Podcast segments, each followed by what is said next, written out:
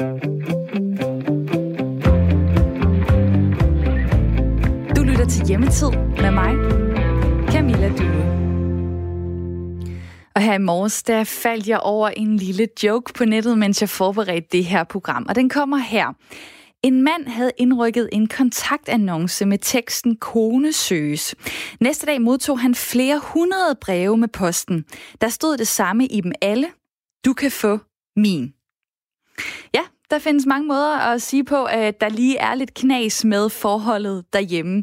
Og særligt i de her hjemmetider, så er der ikke noget at sige til, hvis man bliver lidt mere irriteret på hinanden. Måske har lidt flere skænderier om oprydning og vasketøj, og måske en gang imellem tænker, det var altså bedre dengang vi gik på arbejde, og også var lidt hver for sig og havde vores vante rutiner. Derfor så kan du i det her program i dag i hjemmetid forvente lidt hjælp til parforholdet, måske ægteskabet derhjemme. Om lidt der taler jeg med en parterapeut om, hvordan vi undgår, at de her uger, måske måneder sammen derhjemme, går i en skæv retning. Det ville da være så ærgerligt, at coronatiden sluttede med en skilsmisse eller med en ekskæreste og ikke en kæreste. Jeg kommer også lige med et andet perspektiv til dig, fordi det kan godt være, at du synes, det er træls, at de kun har et kontor derhjemme, og du derfor må sidde i stuen med computeren, eller I begge to skal sidde samtidig i køkkenet, fordi det er der, der er et nogenlunde arbejdsbord, man kan bruge. Men ærligt talt, i dag der har vi jo masser af plads. Tænk på den gang, hvor en familie med fire børn og to voksne boede på 40 kvadratmeter. Hvordan gjorde de det, uden at blive fuldstændig skingrende sindssyge? Det taler jeg med en fra Arbejdermuseet om senere i udsendelsen. En måde at bearbejde det på, der foregår lige nu. Det kunne også være at tage en kuglepind, sætte sig ned og så skrive et par digte. Hver eneste dag, hvert eneste ord, du siger, hvert et spil, du spiller, hver nat, du bliver her, holder jeg øje med dig. Kan du ikke se, du hører sammen med mig. Mit fattige hjerte eller mit stakkels hjerte gør ondt, hver gang du tager et skridt. Hver gang jeg tager et skridt. Jeg trækker streger i sneen med mine sneakers som Hephaistos, den forkrøblede... En af vores dygtigste digter herhjemme, det er Kasper Erik, som du hørte lidt af her. Der læste han op fra sin digtsamling Nike fra 2015. Og han har fundet inspirationen her i coronatiden, hvor han siden nedlukningen i midten af marts har sat covid-19-epidemien på vers hver dag. Vi skal høre, hvad det har givet ham, og hvilke digtsamlinger han vil anbefale alle os andre at læse i de her dage. Jeg taler med ham senere i programmet. Vi skal også finde dagens sang, som vi spiller allersidst op mod klokken 10. Vi kører jo lidt sådan øh, parforholdstema i dag, og derfor så tager vi den med ind i jagten på den gode sang. Fordi nogle gange, så kan det være de små ting, der gør en forskel i parforholdet. Det kan være en lille buket blomster. Det kan måske bare være en lille vintergæk, man har plukket og sat i et snapseglas. Det kan være det at tage opvasken og forberede et rigtig dejligt måltid. Måske at slå toiletbrættet ned, hvis man ved, at det gør ens kæreste glad. Derfor så får du i dag muligheden for at glæde din partner med en sang. Hvad så med os, der er singler? Ja, I må selvfølgelig også være med. Det kan være, at du har en sang, du vil sende ud til en ekskæreste, eller en long lost love skal lige have en hilsen gennem en sang. Det er du meget velkommen til at give. Det kan også være, at du vil give dig selv en sang, fordi du er manden eller kvinden i dit eget liv. Alle gode hilsner er velkommen her i hjemmetid, og du skriver dit bud ind på en sms. Nummeret det er 1424. Du starter beskeden med at skrive R4, så laver du et mellemrum, og så skriver du, hvilken sang vi skal høre, og hvad historien er til den. Altså dagens sang i dag skal gå ud til en kæreste, til en elsker, til en flørt, eller måske til lidt selvkærlighed. Og hvorfor er det, vi lige skal høre den sang? Du kan sende dit bud ind på 1424, skriv R4, lav et mellemrum. Send så øh, dit bud afsted med en historie, og skriv også gerne lige, hvem historien den er fra.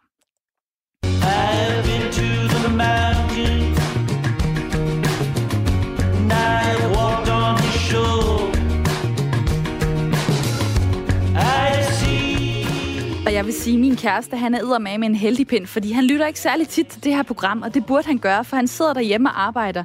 Men så sidder han med sådan nogle svære juradokumenter, så derfor så kan han ikke finde ud af at tænde radioen samtidig åbenbart. Hvis jeg skulle sende en sang ud til min kæreste, så ville det være Kevin Morby, fordi vi altid står og laver mad sammen til det her dejlige musik. Og i går, der lavede min kæreste risotto til mig, så jeg synes, han fortjener den her sang Kevin Morby, I Have Been to the Mountain. Hvis du har et andet bud, så tag lige din telefon og send en, kære, send en dejlig sang afsted til din kæreste, kone eller mand. Og nummeret det er altså 1424. Skriv R4, lav et mellemrum og skriv, hvilken sang det er, du vil sende afsted i dag. Og velkommen til Hjemmetid. Det er cirka tre uger siden, at øh, de fleste voksne og børn blev bedt om at holde sig hjemme fra arbejde, studie, skole og daginstitutioner. For nogen, der har det helt sikkert været rigtig hyggeligt derhjemme. Til tider måske lidt upraktisk, men stadig hyggeligt. Man har nemlig haft øh, tid til at være lidt mere sammen med sin familie, sin kæreste, måske sine venner, haft tid til at fordybe sig. For andre, der er det stille og roligt øh, begyndt at blive en øh, prøvelse, fordi måske synes den ene i parforholdet eller ægteskabet, at det her virkelig er tiden til at få gjort hus rent og lavet alle de projekter, man normalt ikke har tid til, mens den anden måske har en lidt anden indstilling, nemlig at hjemmetiden, det er tid til at slappe af, det er tid til at se en masse serier. Og måske synes den ene, at det er skønt at tusse rundt i nattøj uden BH med lidt fedtet hår, mens den anden efterhånden synes, det er lidt mindre charmerende og ved at være lidt træls her på uge 3. I bund og grund, så øh, bliver vi bare alle sammen trætte af hinanden. Det er i hvert fald pointen fra komikeren Martin Nørgaard, som tilbage i 2015 sagde sådan her. Der er der ikke nogen mennesker, man kan holde ud og være sammen med i al evighed, uden at komme til at hade hinanden på et tidspunkt. Uden at man på et eller andet tidspunkt tænker, jeg har lyst til at stikke dig ned med små ting, jeg har gemt rundt omkring i lejligheden. Jeg fucking, øh, smelter dit ansigt af med syrene, men man kommer der til at skændes. Jeg tror, trækket er at lære at skændes på den rigtige måde. Ja, er det så løsningen? Det kan vi måske få øh, svaret på nu, hvor jeg har ringet til dig, Christiane Møglengrægt. Du er parterapeut. Velkommen til programmet. Tak skal du have. Først og fremmest, øh, hvad er det for nogle udfordringer, øh, som man kan komme igennem som par nu, hvor man er meget mere sammen, end man plejer, og nogen vil sige næsten 24 timer i døgnet i træk? Jamen, øh, øh, undskyld, der er ingen tvivl om, at, at øh, hvis man i forvejen er udfordret i parforholdet, altså der har været lidt flere knydninger og lidt mere knas, end vi egentlig bryder os om, så er der en risiko for, at sådan en tid her, hvor vi, vi bliver sat under ekstra pres, og hvor vi er tvunget til at gå op og ned af hinanden, at det helt klart kan optrappe nogle af de konflikter. Øh, og øh, øh, der er, er jo, der er, og derfor kan man sige, vi, den måde, vi kommunikerer på, bliver faktisk ret afgørende for, hvor godt vi sådan rent parforholdsmæssigt, sådan kærlighedsmæssigt, kommer igennem den her krise. Men det du siger, det er, at det er helt naturligt, at der er mange, der vil opleve, at det kan være sværere her i coronatiden. Ja, 100 procent. Altså det er, øh, det er sådan, at også selvom vi elsker vores børn højt, så er det jo heller ikke sikkert, at vi, øh, vi, vi, vi nyder, at vi skal være sammen med dem i 24-7 på et tidspunkt, hvor vi er tvunget til det, hvor vi ikke selv har valgt det. Øhm, og derfor vil det være også naturligt, at, øh, at at vi kan få ekstra gnidninger. Vi skal huske på, at mange af de ting, som vi også selv vælger i vores hverdag, for eksempel vores sportsaktiviteter, fritidsaktiviteter, vores job, øh, dem vi kan ikke øh, flygte ind i det. Vi kan ikke bruge det som et fristed eller en distraktion eller en afveksling fra at være derhjemme. Så, så øh, det her med, at vi dels er tvunget til det, men også, at der udefra kommer et ekstra pres i form af ekstra bekymring, ekstra frygt. Den kollektive frygt, vi har i hele samfundet, hele verden i øjeblikket, er også med til at lægge sådan et ekstra pres på os. Og man kan regne med, at, øh, at når vi får sådan en ekstra frygt, så er der nogen, der vil reagere med at trække sig mere frem for at blive mere kærlig. Så man skal egentlig ikke sidde og kigge på sin partner og tænke, øh, det at vi ikke kan klare eller har lyst til måske at være sammen hele tiden øh, her i coronatiden, og at vi bliver mere uvenner, det er egentlig ikke nødvendigvis tegn på, at vores forhold øh, går helt vildt dårligt. Der er så mange ting, der spiller ind her. Ja, Præcis. Altså det, det, er, er, det er i hvert fald ikke sådan et tidspunkt, hvor man skal sige, nu, fordi vi ikke kan holde ud og se på hinanden, så skal vi gå fra hinanden. Det er, det er sjældent i krisetid, man skal tage de der øh, store beslutninger. Og det er, jeg tror simpelthen, det er en naturlig konsekvens af det. Vi skal også huske på, at der er nogen, der vil have den modsatte oplevelse. Der er nogen, der vil føle, at det her det er en gave, helt naturligt, uden de skal arbejde for det, at det her det bringer dem tættere på hinanden. De synes, det er brandhyggeligt at være mere sammen. Og de, det er nemt for dem at skabe noget være sammen, som tit er det, vi i virkeligheden mangler i vores hverdag. Så hører vi øh, det klip, jeg lige spillede før. En komiker, der siger, ja. øh, så skal vi skændes på den rigtige måde. Øh, jamen, hvad er det egentlig? Altså, hvordan øh, kan man tage de her konflikter, der kommer? Det kan jo være om de små ting, om de praktiske ting. Det kan jo virke latterligt, men hvordan øh, får man talt om det på den rigtige måde? Det gør vi ved, at vi øh, giver os tid til at lytte. Øh, dels at vi accepterer, at vi er forskellige, og det er ret almindeligt i et parforhold faktisk, at der er en, der måske er lidt mere styret af frygten og har meget brug for at følge de retningslinjer, der kommer fra, øh, fra myndighederne, og, og bliver, øh, bliver mere bange, og en, der måske er lidt mere, tager det lidt mere roligt, det er måske endda lidt nonchalant, og det kan jo selvfølgelig skabe nogle flere gnidninger. Der kan også være, man kan være uenige om, hvor grundige skal vi være med den der øh, øh, skole med børn, eller vi kan være uenige om, hvor vigtigt er dit job i forhold til mit job, øh, og den slags. Og det vigtigste at huske på her, det er, at vi er forskellige, og at lytte til hinanden og acceptere, at, at vi er forskellige, men der er ikke nogen, der hvis måde at håndtere det på er mere rigtigt end en anden. Øhm, og der er rigtig mange ting, vi ikke kan bestemme over. Men det, vi kan bestemme over, det er jo vores energi, eller det, vi lægger i det at være hjemme i vores øh, parforhold, i vores familie. Det kan vi godt bestemme over. Vi kan ikke bestemme over alt det, der sker ude i verden lige i øjeblikket. Nej, det er jo derfor, at det måske kan være ekstra frustrerende, hvis man øh, føler, at man er tvunget til at være hjemme, hvilket mange jo er, øh, og derfor øh, ikke rigtig kan gøre de ting, man som normalt ville kunne øh, gøre, at man fik det bedre, og måske få afløb for noget af det, man, øh, man følte øh, derhjemme. Øh, nu siger du det her med, at man skal lytte. Altså, det er jo nogle gange sådan, at der er en, der bestemmer mere i forholdet end den anden. Øh, hvordan kan man egentlig øh, gå ind i det her? Altså, øh, hvis man ved det sådan, jamen det bliver tit øh, det, som konen siger, for eksempel, øh, der bliver det, mm. øh, man gør derhjemme. Øh, hvordan kan man egentlig øh, gå op imod det på en god måde? Fordi nu er man jo tvunget til at være hjemme sammen, og det kan godt være, at man ikke synes, at tiden skal bruges på ekstra rengøring, eller projekter i haven, eller et eller andet, man bare gerne vil slappe af, for eksempel. Jamen, Øh, jeg tror, det er vigtigt her. Vi, vi ved, at når vi kommunikerer, så er det jo ikke altid, det er faktisk ikke det at få ret, eller øh, at vi skal være 100% enige, der er det vigtige. Det vigtige er, at vi føler os hørt, lyttet til, at vi føler, at øh, den måde, jeg har det på, mine synspunkter, mine følelser, det accepterer du, øh, at, at de er der. Så Øh, og jeg tror, ikke, jeg tror ikke, at der findes par, der ikke er interesseret i at gøre det godt for sig selv og hinanden på en eller anden måde. Og, og, øh, og man kan også sige, at parforhold er jo altid, der er nogle praktiske ting, der skal ordnes, og der er nogle kompromiser, der skal indgås. Og kan vi gøre det sådan, at vi føler, at det, vi giver, det får vi mere af tilbage, så har vi jo faktisk vundet på rigtig mange måder. Her til sidst vil jeg godt lige spørge dig, øh, har du egentlig mere travlt i den her tid, eller er det nogle andre henvendelser, du får end normalt? Øhm, jeg har i lige starten af, der, der fik jeg mindre travlt. Der var rigtig mange, der aflyste deres tider, og jeg tror simpelthen bare, det var en generel frygt, fordi nu skete der noget andet, og så må vi aflyse alt. Og så nu har jeg så fået mere travlt. Væsentligt mere travlt. Jeg håber, at øh, du kan sørge for at få folk til måske lige at stoppe op og sige, det er ikke lige nu, man skal træffe de her store beslutninger. Det er i hvert fald også det, jeg tager med videre fra det her interview.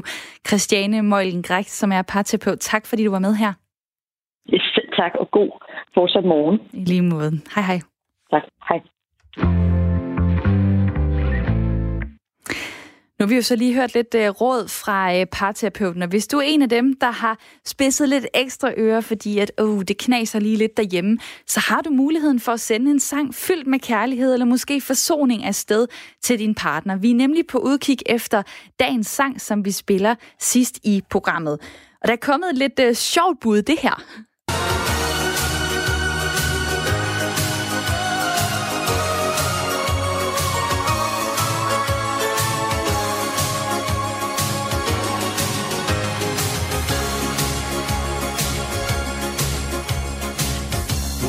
Jeg tager ud med alle vennerne og morer mig.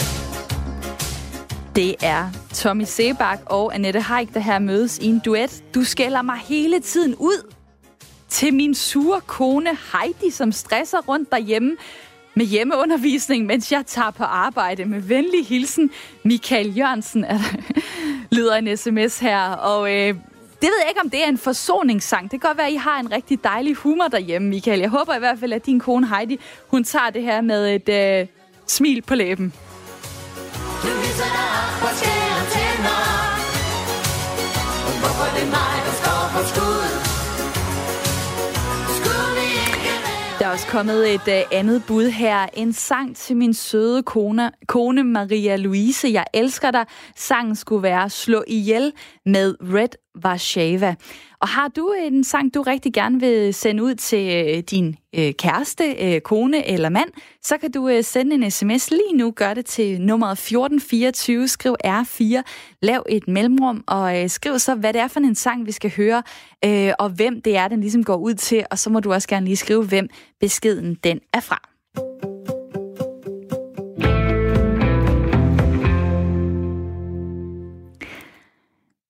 Selvom det kan virke som om, at øh, vi er udfordret lige nu, øh, når vi sidder i vores lejligheder og huse rundt omkring og savner at være sociale med andre end dem, vi plejer at dele adresse eller kontor med, så øh, har vi det måske ikke så slemt, fordi det er trods alt de færreste af os, som øh, deler en 30 kvadratmeters lejlighed i Indre København med en øh, ægtefælle øh, eller fem børn.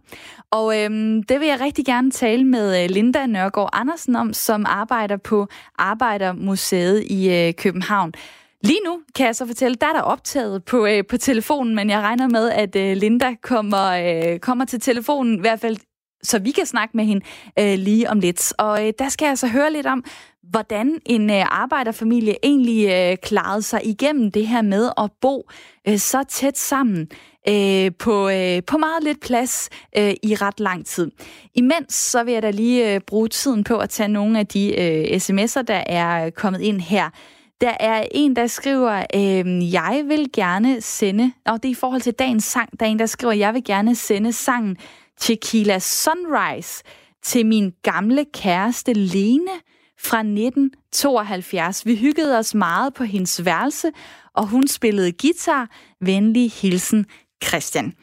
Og øh, det er da en... Øh, ja, den, den vil jeg da egentlig gerne høre. Og hvis du også vil høre den, jamen så bliver det den, vi spiller allersidst i øh, programmet. Hvis du tænker, nej, jeg vil lige sende en anden sang til, øh, til min kæreste, eller kone, eller mand, enten som en kærlighedserklæring, eller som forsoning, så tag lige mobilen og skriv 1424. Start beskeden med R4, lav et mellemrum, og skriv, hvad det er for en sang, vi øh, skal spille senere i programmet. Og nu er du med mig, Linda Nørgaard Andersen. Hej med dig. Hej. Programchef på Arbejdermuseet i København. Og øh, det er jo heldigvis øh, ikke sådan længere, at, øh, de, at vi skal dele 30 kvadratmeter, øh, 5-6 mennesker. Vi har meget mere øh, plads i dag.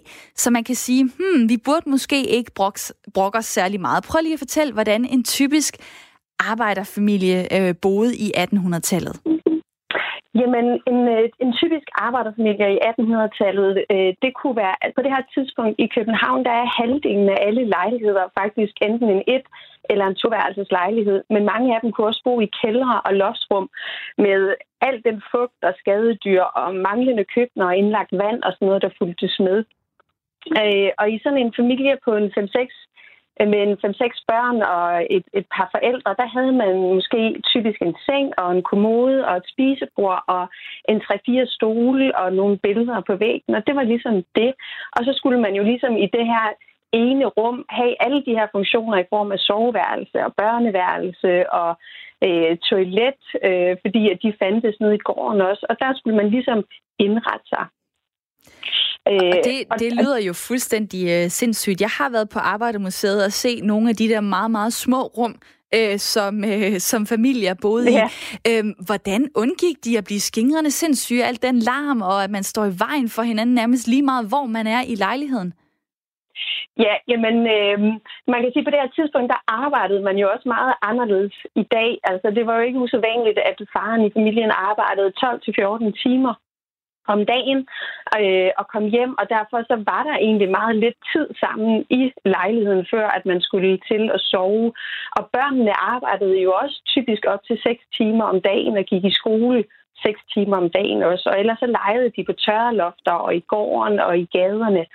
Så på den måde har de ikke haft lige så meget tid inde i de her øh, lejligheder sammen. Men det er klart, at noget af det, man kan faktisk blive allermest rørt over, når man læser erindringer for den her periode, det er faktisk, hvordan mennesker på forskellige måder så har fundet øh, eller forsøgt at gøre plads til en eller anden form for privatliv. For eksempel ved at, at få en nøgle til en, øh, en skuffe i kommunen, sådan så at man havde noget, der var sit eget, eller øh, pensionister i 50'erne, der beskriver, hvordan at i deres barndom, så sov de i fodenden af sengen hos forældrene, og så var deres børneværelse en cigaræske under sengen. Mm. Så på den måde har man jo på en eller anden måde fundet en måde at skabe et privatliv på, men jeg tror, når de ikke øh, på den måde blev skingrende sindssyge, øh, så, så har det været det her med, at de har, de, de har simpelthen søgt ud, og når de havde fri, man havde jo også kun fri om søndagen dengang, så søgte man også ud. Man, man søgte ud i, på øh, de offentlige legepladser, der begyndte at dukke op, og ud i parkerne, og ud på gaderne, og ud i dyrehaven, og hvor man ellers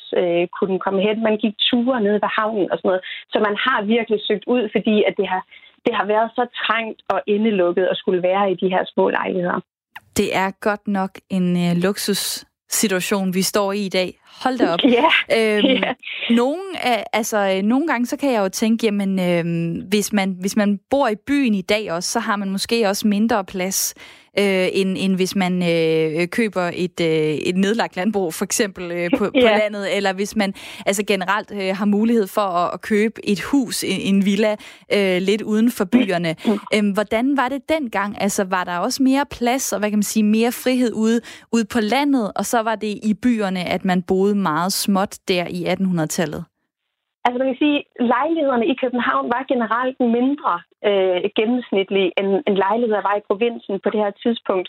Men i den her periode af Danmarks historie, der, der sker der jo en enorm vandring fra land til by. Altså 250.000 mennesker forlader livet ude på landet og søger ind til, øh, til byerne. Men faktisk de boligforhold, der var på landet, øh, var ofte endnu værre end inde i byerne. Det var jo ikke usædvanligt, at man som tjenestefolk på en gård, jamen så boede man i kostallen sammen med dyrene for eksempel. Og her boede man jo også sammen med sin arbejdsgiver øh, og, og havde derpå meget mindre fritid, hvor at det, der skete for de mennesker, der flyttede ind til København for eksempel, så blev boligen lige pludselig adskilt fra arbejdspladsen. Og på den måde så opstod begrebet fritid. Altså det her med, at man lige pludselig havde noget tid, der faktisk var sin egen, og som man selv disponerede over. Og det gjorde jo faktisk på den måde, at, at de her byer, der også nogle muligheder, man ikke havde ude på landet, fordi at her var der virkelig også meget, meget trængt og lidt plads det er jo normalt ikke særlig fedt øh, ikke at have særlig meget plads, men jeg har set, der er kommet flere og flere øh, tv-programmer, som handler om ligesom at size down og gå ned og øh, skal skralde alt muligt fra i sit liv, bo på mindre plads, have færre ting. Øh, programmer som øh, tv-programmer, hvor man skal udnytte de kvadratmeter, der er, og lave multifunktionelle rum og øh, kontor øh, sammen med øh, soveværelse i et rum osv., hvad tænker du egentlig? Du går normalt rundt øh, og, og kigger på jeres udstillinger og kan se de her små rum og så videre. Hvad, hvad kan man få ud af det? Hvad kan man, øh, hvad kan man sige, få, få bedre i sit liv, hvis det er, man bor på mindre plads? Er du blevet inspireret til noget? Ja, altså jeg tænker i hvert fald meget, at noget af det, som de, altså den her nøjsomhed og den, den, den her evne til at genbruge alt, som de her arbejdere havde, er vildt inspirerende for os mennesker i dag. Og man kan sige, at de har selvfølgelig været nødt til at gøre det ud for, at deres økonomi har været så dårlig, men det er jo alt fra gamle øh, eller hjemmestrikkede sokker, som børnene ikke kunne bruge mere, som er blevet travlet op og syet om til noget nyt, eller en, en øh, du øh, med blonder, der er blevet syet om til en konfirmationskjole. Øh, øh, garnrester, der er blevet brugt til at lave legetøj ud af, og sådan øh, høkasse, der har kunnet holde maden varm. Altså, og det her med, at man virkelig har tænkt sig rigtig godt om, og de ting, man har skabt, ligesom har været ting, man selv har lavet det tænker jeg, at, at det kan vi sagtens lære enormt meget af i dag, og især i forhold til alle de børn, der er hjemme lige nu øh, og bliver hjemmeundervist, og hvor man jo har alle mulige digitale muligheder for at støtte dem og sådan noget, som man jo slet ikke havde på den her tidspunkt, men derimod øh, i stedet for dengang var enormt gode til det her med at få skabt fortællinger og synge og finde sammen på den måde i, i fællesskaber. Og hvis man gerne som forældre vil vise sine børn lidt om den øh, måde, man levede på før livet, før iPads og sit eget børneværelse osv., yeah. hvad skal man så øh, gribe til for at vise dem, at, der, at øh, vi er privilegeret i dag? Ja, altså noget af det, altså, kan man simpelthen gå ind og søge for eksempel i vores øh, billedbase øh, og søge på boligforhold for eksempel, og så åbner der sig simpelthen en hel verden af forskellige lejligheder og boliger gennem tiden. Øh, og så vil jeg også sige, at på filmstriben ligger der sådan noget som Plads til os alle, som godt nok er en tv-serie af ældre karakterer omkring arbejderbevægelsen, men der er også nogle ret fantastiske levende billeder af, af boligsituationer og boligforhold. Og så kan man jo Altså, hvis man ser Matador med sine børn, for eksempel, lægge ekstra godt mærke til uh, Laurits og uh, Agnes bolig, eller man kan se uh, Barndommens Skade, eller Den Store Badedag, hvor man virkelig også får en rigtig god fornemmelse af det her med at få skabt en familie og en hverdag på meget, meget lidt plads. Og så kan man sikkert selv sidde også og tænke som, som voksen og forældre over sit liv og sige, hmm, måske er det ikke så skidt, det vi har her. Uh, Linda, tak, Ej, fordi, at, ja. tak fordi du var med her. Ja, tak fordi jeg måtte. Linda Nørgaard Andersen, programchef på Arbejdermuseet i København. Lige om lidt, der skal jeg blandt andet tale med digteren Kasper Erik, og det glæder jeg mig rigtig meget til. Først skal vi have et nyhedsoverblik.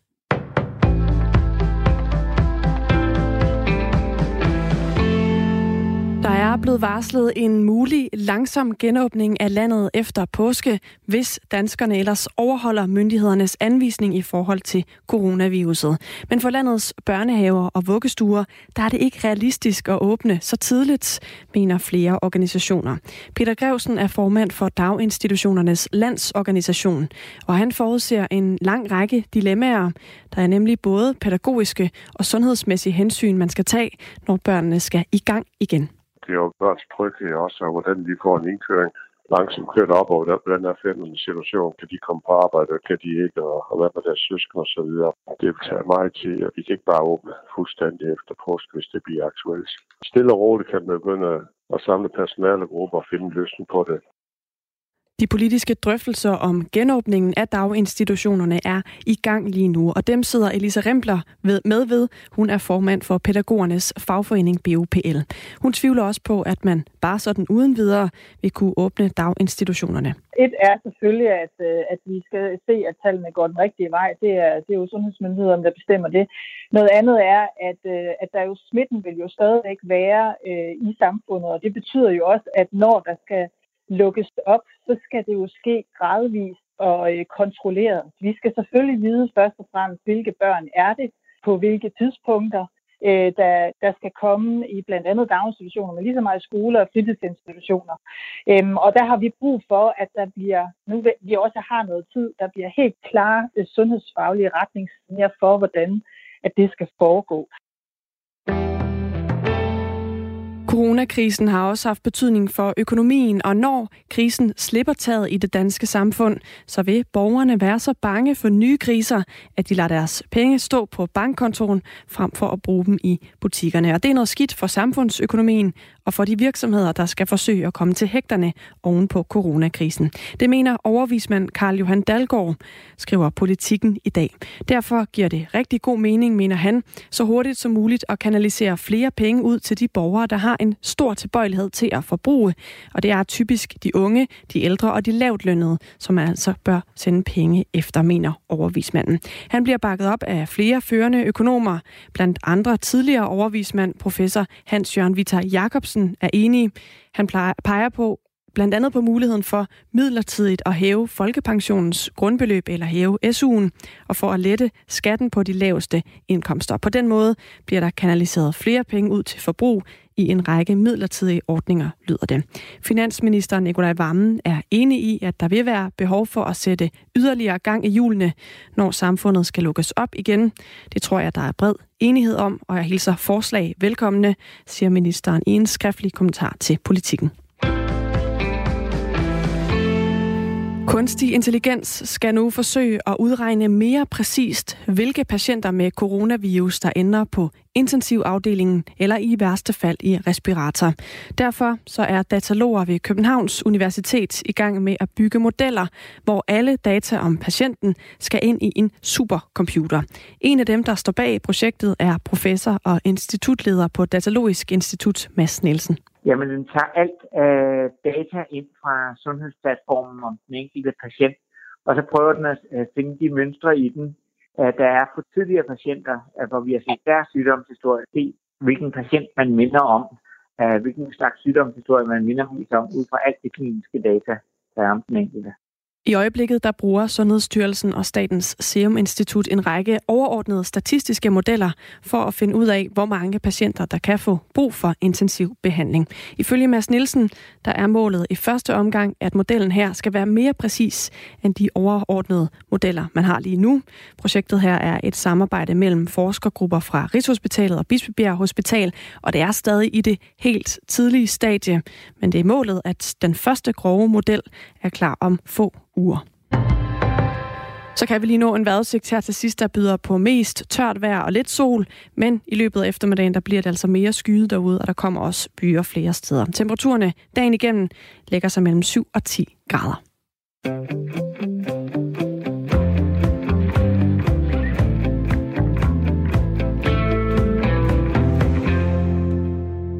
Velkommen tilbage til Hjemmetid. Om lidt, der taler jeg med digteren Kasper Erik om de coronadigte, som han har forfattet de seneste uger. Og så leder vi her i programmet stadig efter det bedste bud på øh, dagens sang, som vi øh, spiller sidst i programmet. Det er en sang, der i dag skal gå ud til din kæreste, din elsker, din flørt, måske din ægtefælle, og være et ekstra kram og en ekstra sød tanke her i øh, coronatiden. Der er kommet det her bud ind. But I can't help falling in love with you. Shall Selina skriver på sms'en, min dejlige kæreste Mikas fløjter dagen lang. En af favoritterne er Elvis Presley Can't Help Falling in Love with You. Og så kan jeg sige, at min kæreste han mener også, at det er vores sang, men det har jeg sagt til ham, det er det ikke. Og det er vi så lidt, stadig lidt uenige om, om øh, den ene kan synes, at det er en fælles sang, når, den, øh, når en ud af to ikke er, er enige i det. Har du et andet bud på en sang, du rigtig gerne vil øh, sende afsted til måske din kæreste eller ægtefælle, eller måske til dig selv, for at give dig selv lidt selvkærlighed, så skal du sende en sms lige nu til 1424. Skriv R4, lav et mellemrum og skriv så øh, din historie. Fortæl os lige, hvem sangen skal gå til, og hvem det er, der skriver beskeden.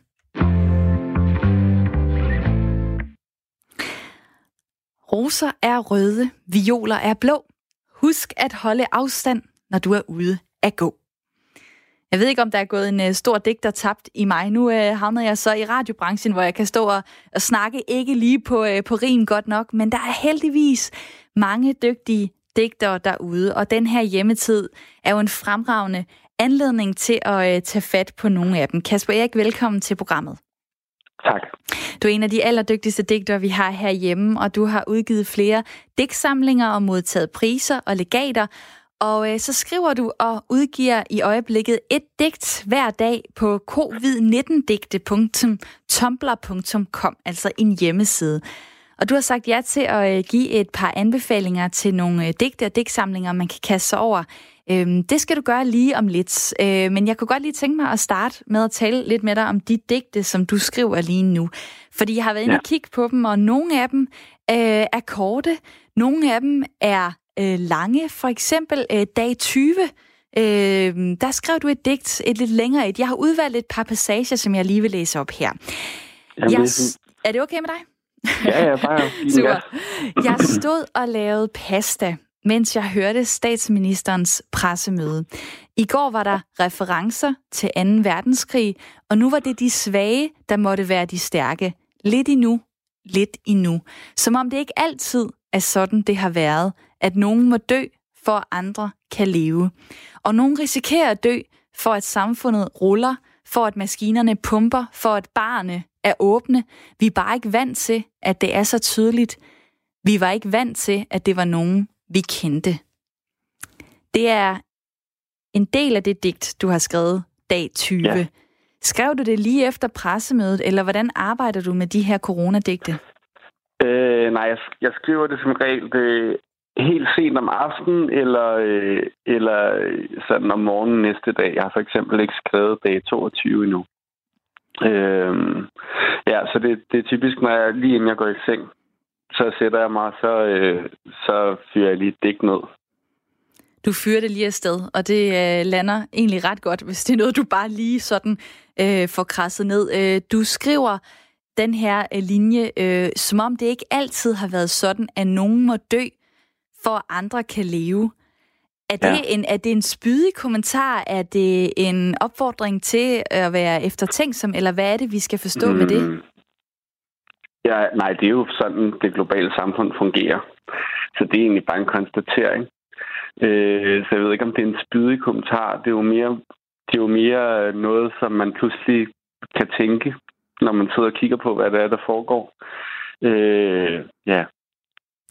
Og det er jo det, altså poesi, jeg tænker, poesi handler jo ikke kun om at være spydig, altså det handler jo også bare om at tilbyde nogle måder at tænke over verden på.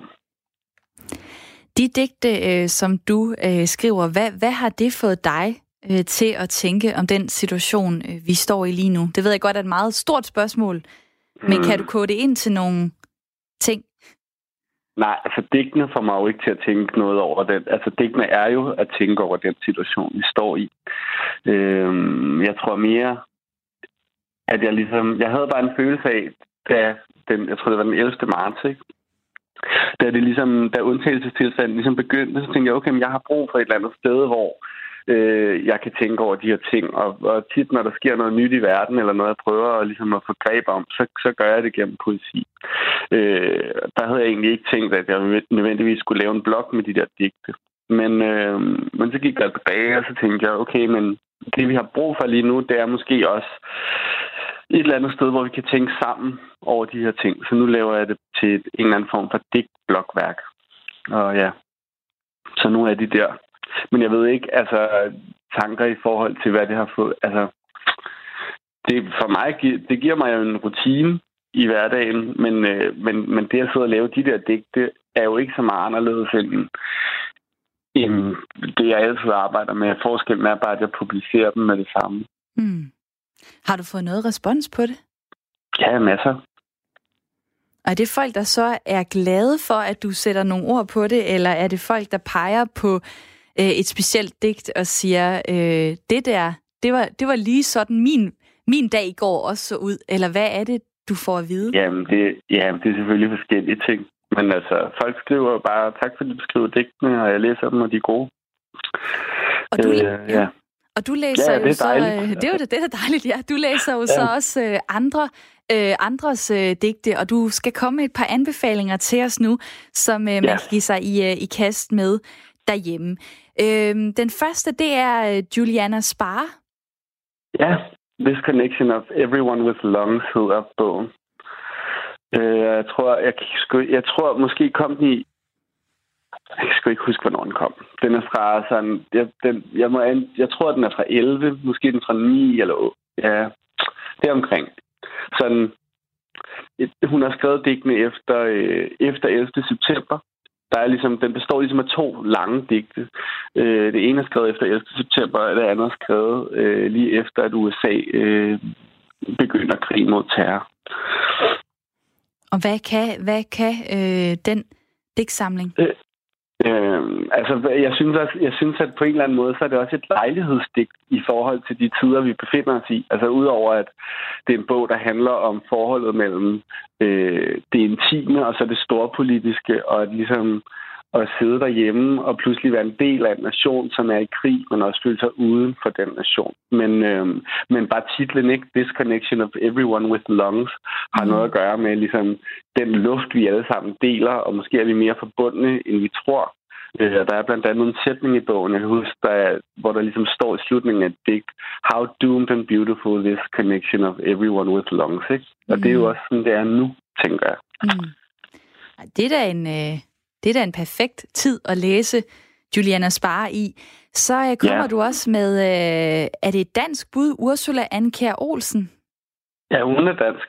Øh, den kom i, hun har skrevet en digtsamling, der hedder Mit Smykkeskring, der kom her i januar i år som, øh, som, som faktisk gør noget af det samme som Juliana Spar, men måske, altså, jeg tænker, Ursula Anka Olsens fokus er ofte ligesom, eller har i hvert fald været de senere år, hvordan moderskabet er sådan flettet sammen med økonomi, og hvordan, øh, og hvordan følelser måske ikke er noget, man bare har alene.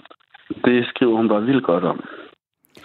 Og den sidste, øh, Ariana, ja, det ved jeg faktisk ikke engang, hvordan øh, jeg udtaler. Aria, kan, Ariana Rines.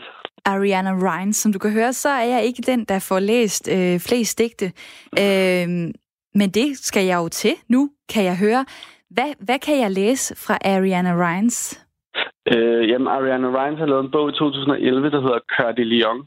Altså øh, løvehjerte på fransk, som, øh, som er oversat til dansk og kommet på forlaget Kronstork, så man burde kunne købe den øh, ligesom over nettet, hvis man også vil læse den på dansk. Øh, og den bog er bare, det er, jeg tror, det er min yndlingsdigtsamling, og jeg læser den ligesom en gang om året.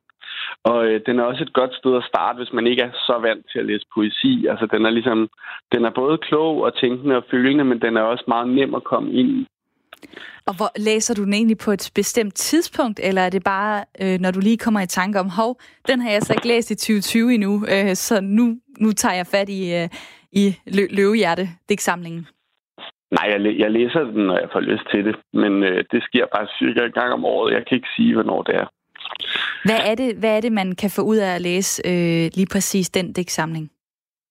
Øhm, jamen, altså, jeg nu er det jo også, for mig er det jo ligesom at se en film, som man kender virkelig godt. Altså, jeg tænker, mange kan have det sådan med Ringenes Herre, for eksempel.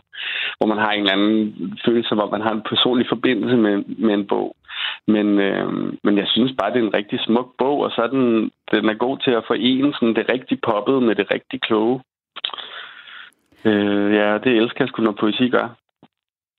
Det, øh, det lyder som om, at det er, øh, det er nogle gode bud også for folk, som ikke normalt øh, læser øh, øh, lyrik.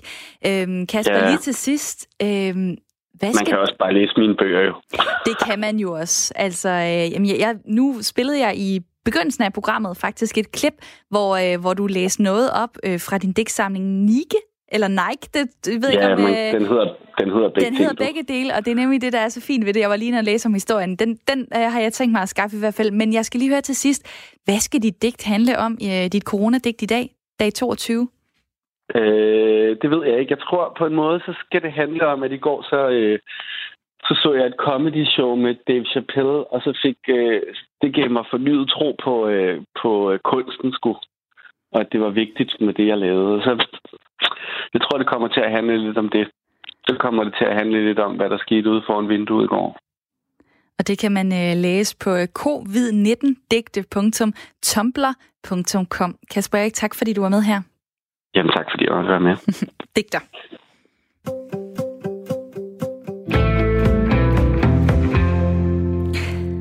Det vil være sidste chance, hvis øh, du skal have mulighed for at få indflydelse på dagens sang, som i dag skal gå ud til øh, den mand eller kvinde i dit liv, måske din kone, ekskone, hund, der ej, det er jo ikke en, øh, det er jo ikke en kvinde eller en mand. Øh, I hvert fald en, du holder, øh, holder meget af, øh, kan du sende en sang til. Mand, øh, mand kone, kæreste, øh, eks, fløjt, hvad det nu kan være. En sang, du gerne vil øh, skabe glæde med og øh, smil hos. Og så er det jo en måde at vise, at man øh, tænker på en person. Der er kommet nogle dejlige bud på øh, sms'en 1424. Du kan også sende dit bud ind. Skriv R4, lav et mellemrum, øh, skriv din besked og øh, send så dit bud afsted i forhold til, øh, hvilken sang vi skal spille, hvem vi skal spille den for, og øh, skriv så også lige, øh, hvad du hedder.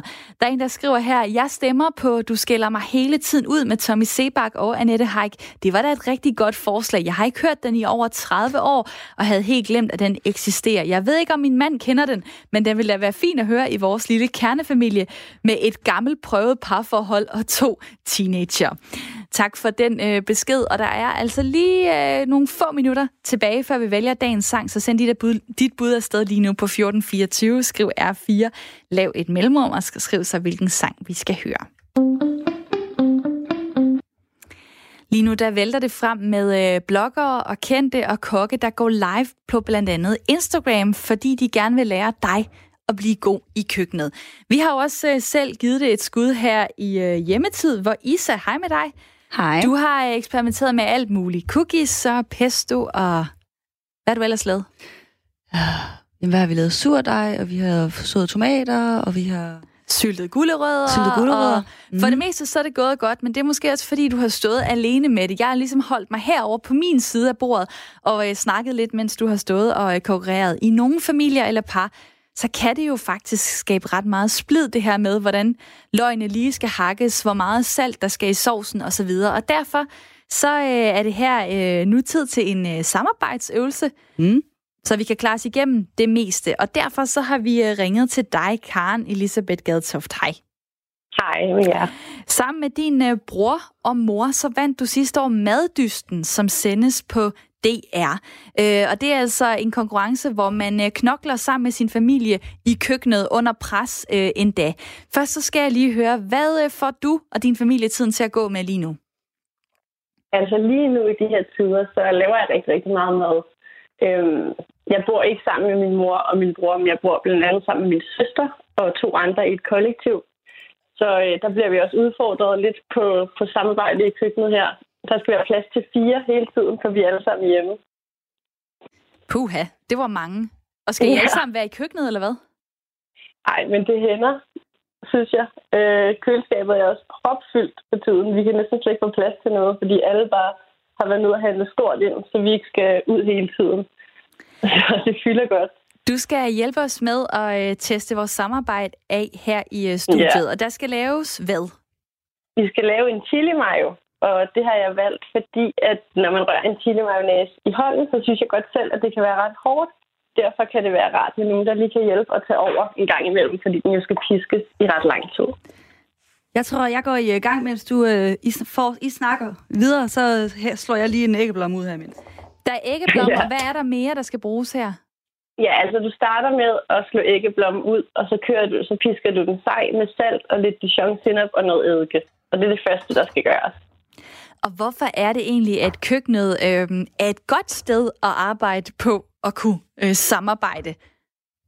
Jeg synes, at det der med, det kan godt være, at der lige er gang i den, mens man står også det, du selv nævner med at skære løg, og man gerne selv vil have det på en præcis måde. Sådan er jeg i hvert fald også selv. Men når man så mødes om det mad, man har lavet sammen til sidst, så synes jeg alligevel, der er noget lidt særligt over det. Er det en god taktik, synes du? Nu har du stået øh, under meget pressede situationer, og hvor det også blev optaget til tv og alt muligt. Ja. Er det en god idé at have en, der ligesom er chefen og, øh, og uddelegere arbejde? Øh, eller hvordan synes du, man får det til at glide nemmest muligt? Det er nok en god idé, ja, med en, der ligesom er en slags højkaptajn. Men med min familie, da vi var med med det, det var også bare tre personligheder, hvor vi alle sammen gerne vil have vores frem. Men jeg synes, vi blev meget gode til at, at få, altså, at alle blev hørt til sidst. Men det krævede lige lidt øvelse til at starte med. Og øh, Isa, hvordan går det med din højre overarm lige nu? Men øh, det går fint, men nu er det nok snart til tid, vi skifter. Så får jeg lov at stille nogle spørgsmål, så skal du piske lidt. Åh, oh, jeg vil sige, det er da ikke sjovt. Altså, hvad er det for et samarbejde, det her? Hold da op. Lad mig se, hvor... Ej, det ligner stadig bare kun gul æggeblom. Satans. Det, er, det, er også, det kan være, at I skal begynde at komme en lille smule olie i til at starte med. Og der er det virkelig vigtigt, at man lige får pisket det godt igennem, så æggeblommerne absorberer den her olie. Kan man, kan man bruge det her? Kan man bruge en elpisker, eller skal det være i hånden? Man kan godt bruge en elpisker.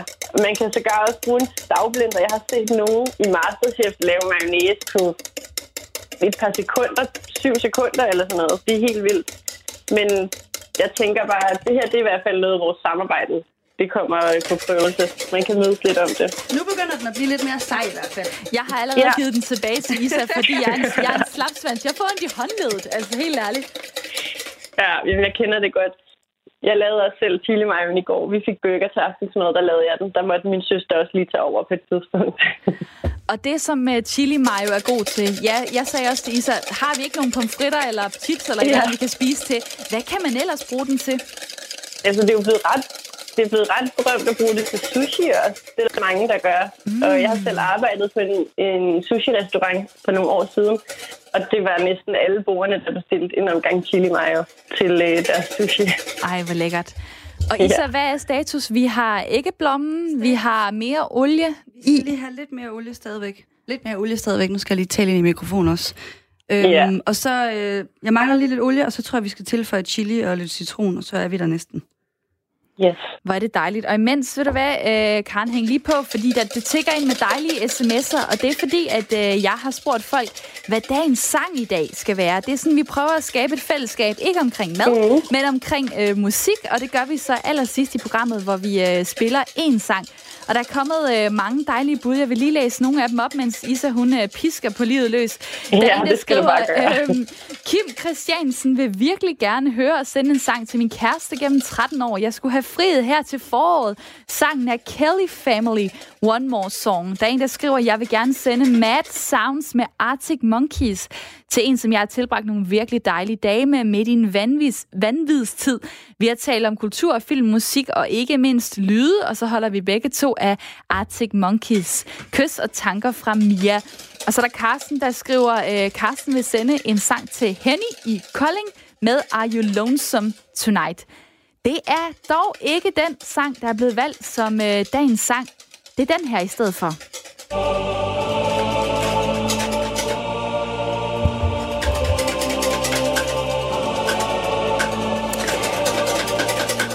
Er Pernille, der skriver, jeg vil gerne høre The Dream af Leaves Eyes. De er fra Norge. Det er en rigtig smuk sang, der altid får mig til at tænke på den kvinde, jeg har været ulykkelig forelsket i i 14 år. Kærlig hilsen, Pernille. Og den sang får du lov til at høre lige om lidt. Der er lige heldigvis et langt stykke intro her. Isa, hvad er status på øh, uh, chili mayoen? Status er, at, øh, sta- status er, at øh, jeg tror, den er der nu. Nu skal den bare lige have lidt, øh, lidt chili og lidt citron og lidt øh, ja, mere chili. Så er den der. Og Karen, øh, jeg ved, at du øh, brygger på en masse nye opskrifter, som bliver til et Ja. online madmagasin. Lige præcis, ja. Det udkommer her for første gang den 1. maj, og det kommer til at, at blive udgivet seks gange på et år. Så vi udgiver hver anden måned, og det er et gratis online madmagasin, som er sponsoreret af annoncer, vi selv udvælger. Og der vil jeg sige, I er jo også heldige. Jeg har sørme fået meget tid til at sidde og nørkle med det magasin derhjemme lige nu. Karen Lige øh. Elisabeth Gadtoft, tak fordi du var med her.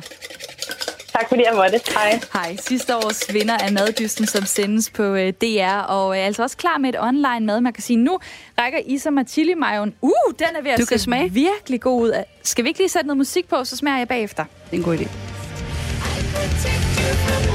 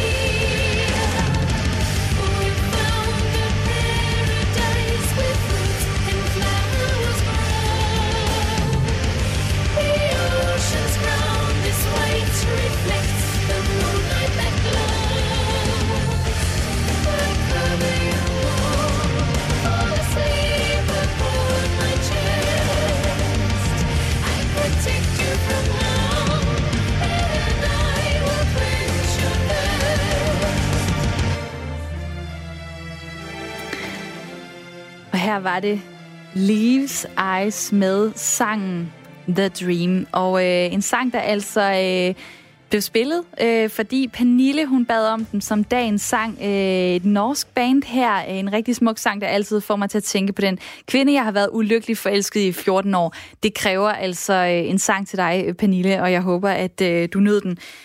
En chili mayo er ved at være færdig her i studiet, og jeg skal endda også lige nå at smage på den. Isa, hvad er det, der lige er kommet i her til sidst? Jamen, der er kommet øh, sådan noget shirasa, som er sådan en stærk chilisauce, og så er der kommet lidt citron og salt. Mm. Og der mangler også lidt peber.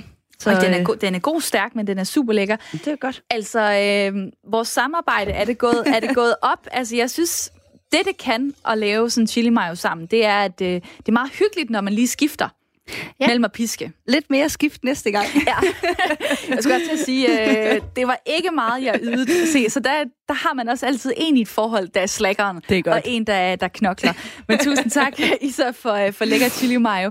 Og øh, Hjemmetid øh, er jo et program, som giver dig inspiration til alt muligt, også samarbejdsøvelser, og vi har også flere dejlige ting på vej til, til dig i morgen. Vi er tilbage kl. 9.05. Nu skal vi have nyheder.